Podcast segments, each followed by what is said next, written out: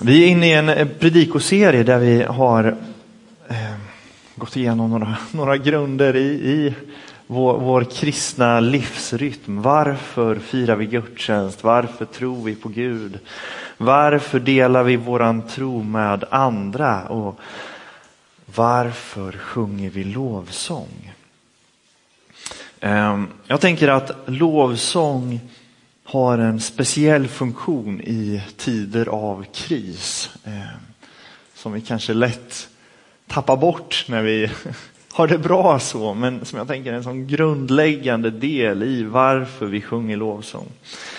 Eh, och det är det vi ska stanna upp kring idag när jag tror att vi är tagna utav det som händer i Ukraina just nu. Det här oerhört sjuka där en girig människa vill dominera och härska och är beredd att göra nästan vad som helst för att behålla sin makt. Ehm, Vi pratade lite här innan gudstjänsten att, att det, ju, det kommer nära på ett, ett speciellt sätt just eftersom det är så nära. Att det är som att åka upp till till Kiruna ungefär.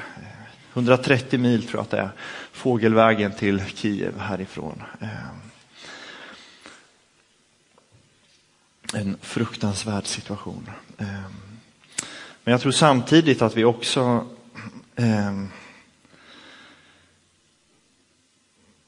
inte är helt förvånad över det som händer. Om vi, om vi tittar på historien så har historien alltid präglats av män med makt som är beredda att göra väldigt mycket för att få mer makt. Och jag kom att tänka på här igår kväll när jag förberedde den här predikan på min, min farmor som berättade om de här mörkläggningsgardinerna som man hade på, på 40-talet. Jag gissar att det, det, finns säkert några här inne som, som minns mörkläggningsgardinerna. Ehm, och jag kommer också tänka på alla kristna runt om i jorden som, som också lever under förföljelse och förtryck. Vi är ju vana idag vid att tänka att en kristen, det är en, ofta en vit människa i västvärlden som, som har det ganska bra. Men att majoriteten av de kristna bor på södra halvklotet, det tänker vi ofta inte. Och väldigt många är utsatta och man pratar ibland om att kristna är den största utsatta gruppen på jorden. Ehm. Och här är Bibeln full av exempel på människor som förföljs och utsätts på grund av sin tro. Och jag tror att vi har mycket att, att lära i våran situation. Och det här tänker jag inte minst handlar om lovsång. Varför sjunger vi lovsång? Den första kristna martyren brukar man ibland kalla Stefanos som det står om i Apostlagärningarna 6 och 7. Han har blivit arresterad för att han berättar om Jesus. Han vägrar att vara tyst. Och så kallas de som bestämmer samman för att döda, döma honom till döden. Och man kan fundera på vad som blir hans sista ord. Så finns det ett långt passage där han berättar om Jesus och så står det från kapitel 7 och 54 när de hörde detta, så de styrande, när de hörde detta så blev de ursinniga på Stefanos att de skar tänder. Men fylld av helig ande riktade han blicken mot himlen och såg Guds härlighet och Jesus som stod på Guds högra sida. Och han sa, jag ser himlen öppen och människosonen stå på Guds högra sida. Då ropade de högt och höll för öronen och alla störtade sig över honom på en gång och släpade ut honom ur staden för att stena honom. Vittnena la sina mantlar framför fötterna på en ung man som hette Saul. Så stenade de Stefanos som åkallade Herren och sa Herre Jesus, ta emot min ande. Han föll på knä och ropade högt. Herre, ställ dem inte till svars för denna synd. Med de orden dog han. Så Stefanos han, han ställs inför dem som ska döma honom till döden. Och man kan fundera på vad, vad gör han i den situationen? Misströstar han? Nej, Stefanos lyfter blicken och han ser emot det som har verklig betydelse. Han ser och han bekänner hur verkligheten ser ut. Jesus sitter på tronen. Tidigare i veckan så gick vi som församling in i fastan och vi samlades här några stycken för att, för att tillsammans eh, läsa Bibeln och, och gå in i fastan. Eh, så berättade jag kort att jag hade sett ett videoklipp från några ukrainare som satt i en källa, eh, källare och, och sjöng lovsång. Och man kan tycka att det är absurt att i en, i en krigssituation sitta och, och, och sjunga lovsång precis som vi gör här. Att man kan tycka att det nästan är lite ignorant eller så. Varför sjunger man lovsång när man drabbas av krig? Varför är man inte arg på Gud? Och de här människorna sjöng några av de här sångerna som vi sjöng på 80-talet. Eh, klassiska lovsånger, men, på, men inte på vårat språk, så, men sånger som, som man känner igen. Varför sjunger man lovsång när man blir attackerad? Och så kommer jag att tänka på Paulus och Silas när de är i Filippi tillsammans med, med Lukas då, som, som skriver ner den här berättelsen i Apostlagärningarna 16, som vi läser ett lite längre stycke. När vi en gång gick till böne, bönestället mötte vi en slavflicka som hade en spådomsande i sig och som straff, skaffade sina ägare goda inkomster genom att spå. Hon följde efter Paulus och oss andra och ropade, de här männen står i den högste Gudens tjänst och förkunnar vägen till frälsning för er.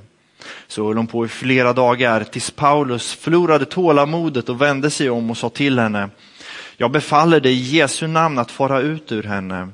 Och i samma ögonblick for anden ut. När hennes ägare såg att hoppet om fortsatt förtjänst hade farit sin väg tog de fast Paulus och Silas och släpade dem till torget och stadens myndigheter. De förde dem till de, romerska domarna och sa, de här männen stör lugnet i vår stad. De är judar och de talar för seder och bruk som det inte är tillåtet för oss romerska medborgare att anta och följa. Folket tog då parti mot dem och domarna slet kläderna av dem och befallde att de skulle pryglas. Man gav dem många rapp och satte dem sedan i fängelse. Fångvaktaren fick order att hålla dem i säkert förvar.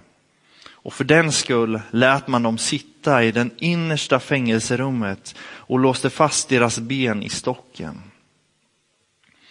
Vid midnatt höll Paulus och Silas bön och sjöng lovsånger till Gud och de andra fångarna hörde på. Plötsligt kom ett kraftigt jordskalv så att fängelset skakades i sina grundvalar. I detsamma sprang alla dörrar upp och bojorna föll, föll av dem alla. Fångvaktaren vaknade och när han fick se att dörrarna i fängelset stod öppna drog han sitt svärd för att ta sitt liv eftersom han trodde att fångarna hade rymt. Men Paulus ropade högt, gör det inte illa, vi är kvar allihopa. Då sa fångvaktaren till om ljus och sprang in och kastade sig skräckslagen ner inför Paulus och Silas. Sen förde han dem ut och frågade dem, vad ska jag göra för att räddas? De svarade, tro på Herren Jesus, så ska orden om, eh, om Herren för honom eh, Tro på Herren Jesus så att du blir räddad, du och din familj. Och de förkunnade orden om Herren för honom och alla i hans hus. Fångvaktaren tog genast hand om dem mitt i natten och tvättade såren efter piskrappen. Sedan döptes han själv med hela sin familj.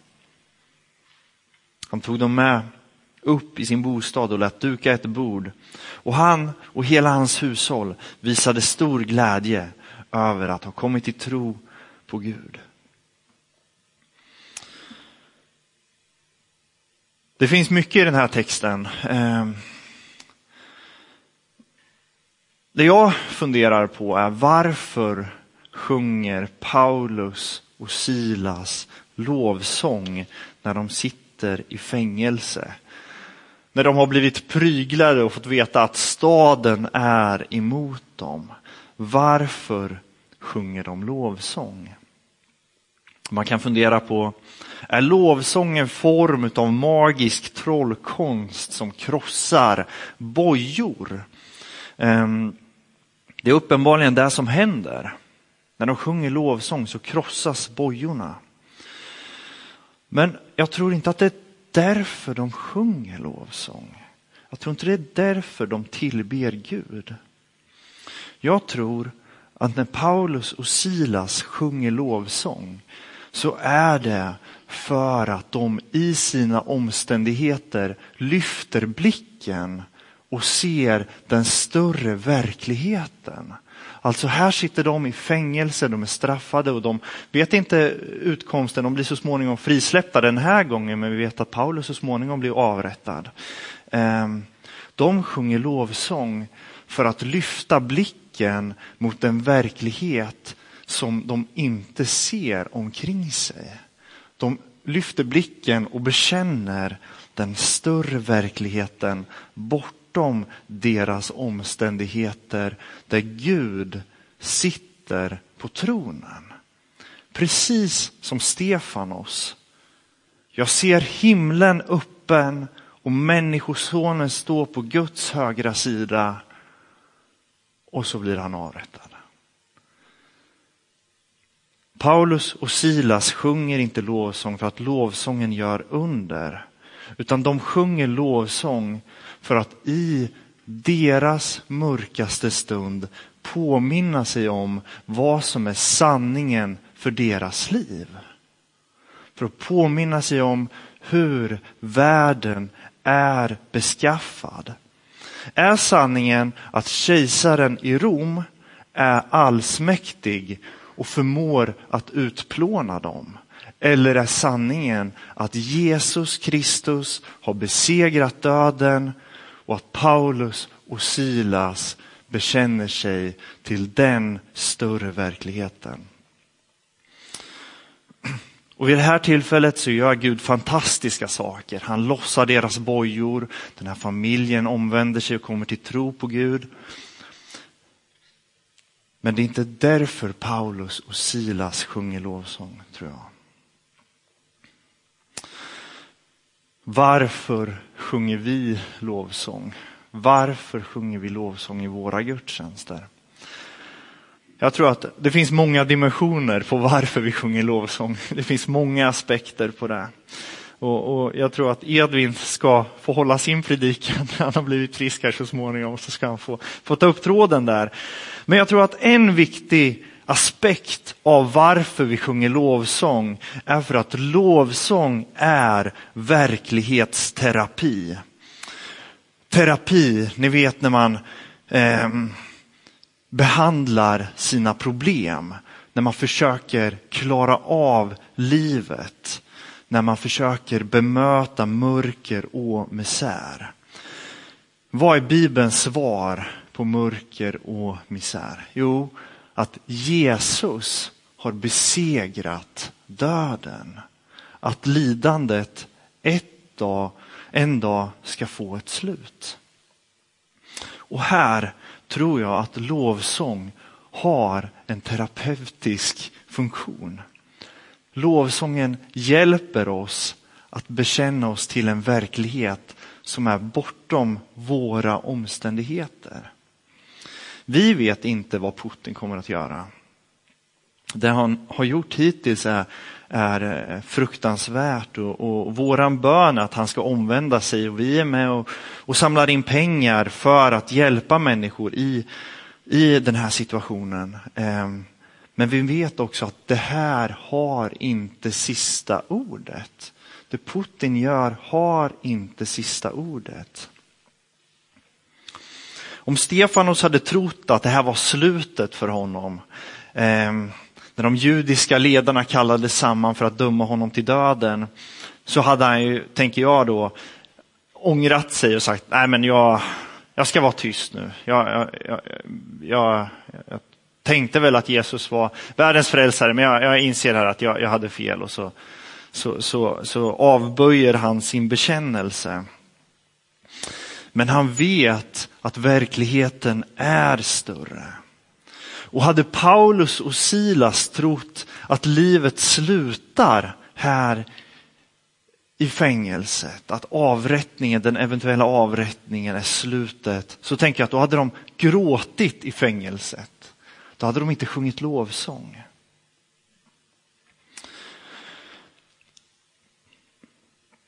Det betyder såklart inte att omständigheterna är enkla, att vi upplever att problemen försvinner. Ehm, men när Paulus och Silas sjunger lovsång, när Stefanos proklamerar ut att Jesus sitter på tronen, så ser de klarare, så får de kraft att gå igenom lidandet. Och jag tror att lovsång kan ha flera funktioner, men jag tror att det här är en viktig central funktion för lovsången. Och här kan man läsa Uppenbarelseboken till exempel som, som ett uttryck för, för det här. Den bibliska lovsången handlar om hur verkligheten ser ut. Den bibliska lovsången handlar om att vi får gensvara på vem Gud är, på vad Gud har gjort. Stefanos, mitt i sina omständigheter, lyfter blicken och han utbrister Jag ser himlen öppen och människosonen stå på Guds högra sida.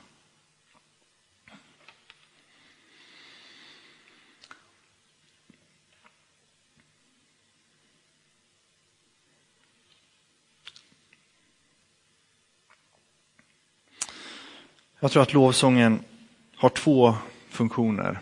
Ehm, den ena funktionen är att vi i lovsång finner tröst. Ehm, I lovsång så får vi vända oss till Gud. Vi får liksom rikta oss mot han som är större.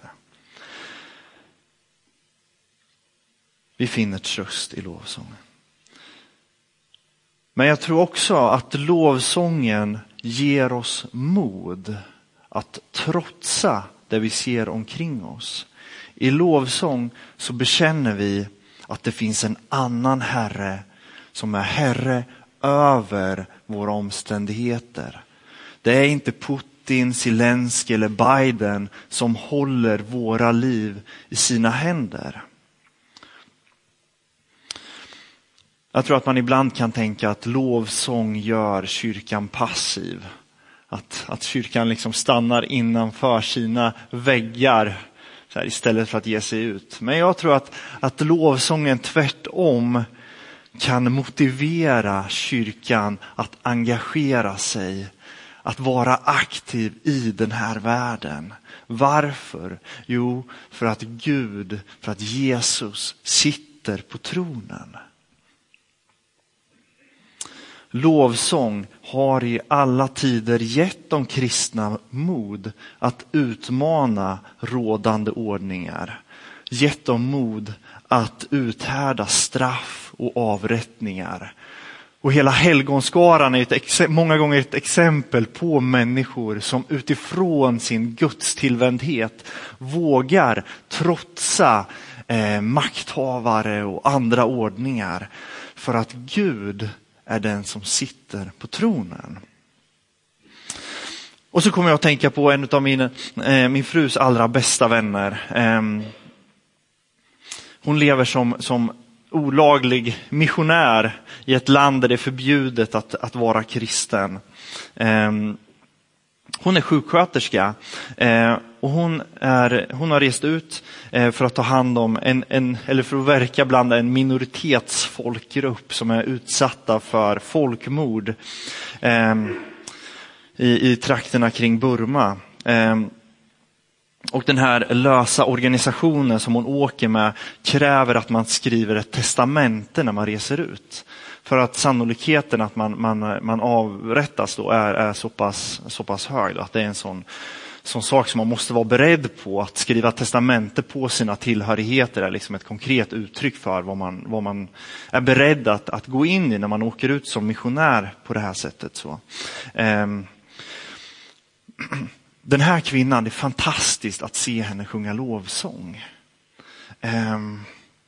hon är den som står längst bak i hörnet och dansar när vi sjunger lovsång. Eh, hon är inte så duktig på att sjunga. Så här. Eh, hon, hon eh, jag ska inte säga att hon är tondöv, men hon, hon, hon, är inte den bästa på att sjunga. Eh, men vad är det lovsång handlar om? Så här. Eh, och, och lovsången i hennes liv blir att ja, men verkligheten ser ut på ett annat sätt. Det är inte de här korrupta gerillagrupperna som har rätt att avgöra de här utsatta minoritetsgruppernas framtid.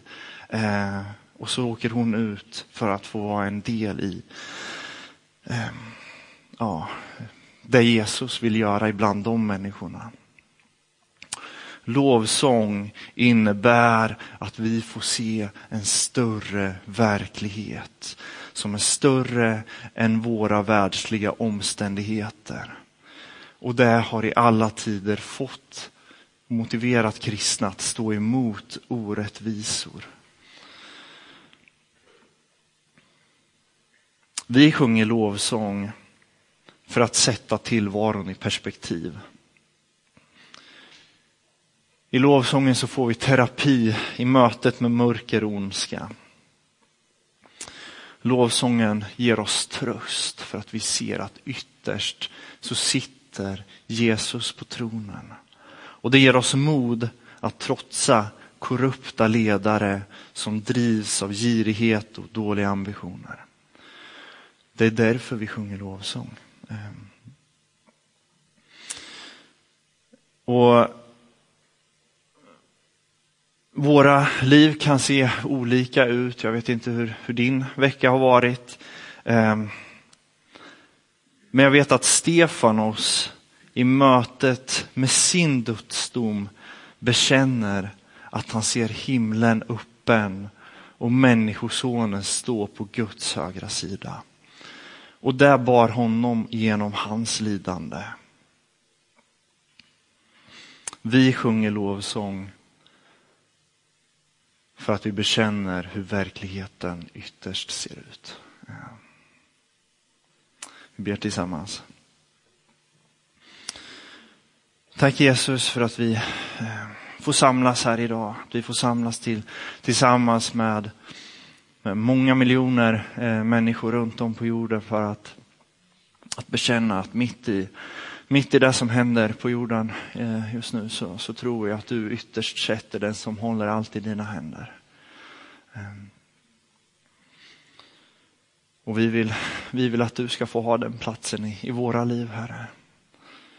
Vi ber att våra små eh, problem eh, ska få sättas i relation till, eh, ja, till, till dig, Herre. Eh, vi ber att du ska få bli större i våra liv, Herre.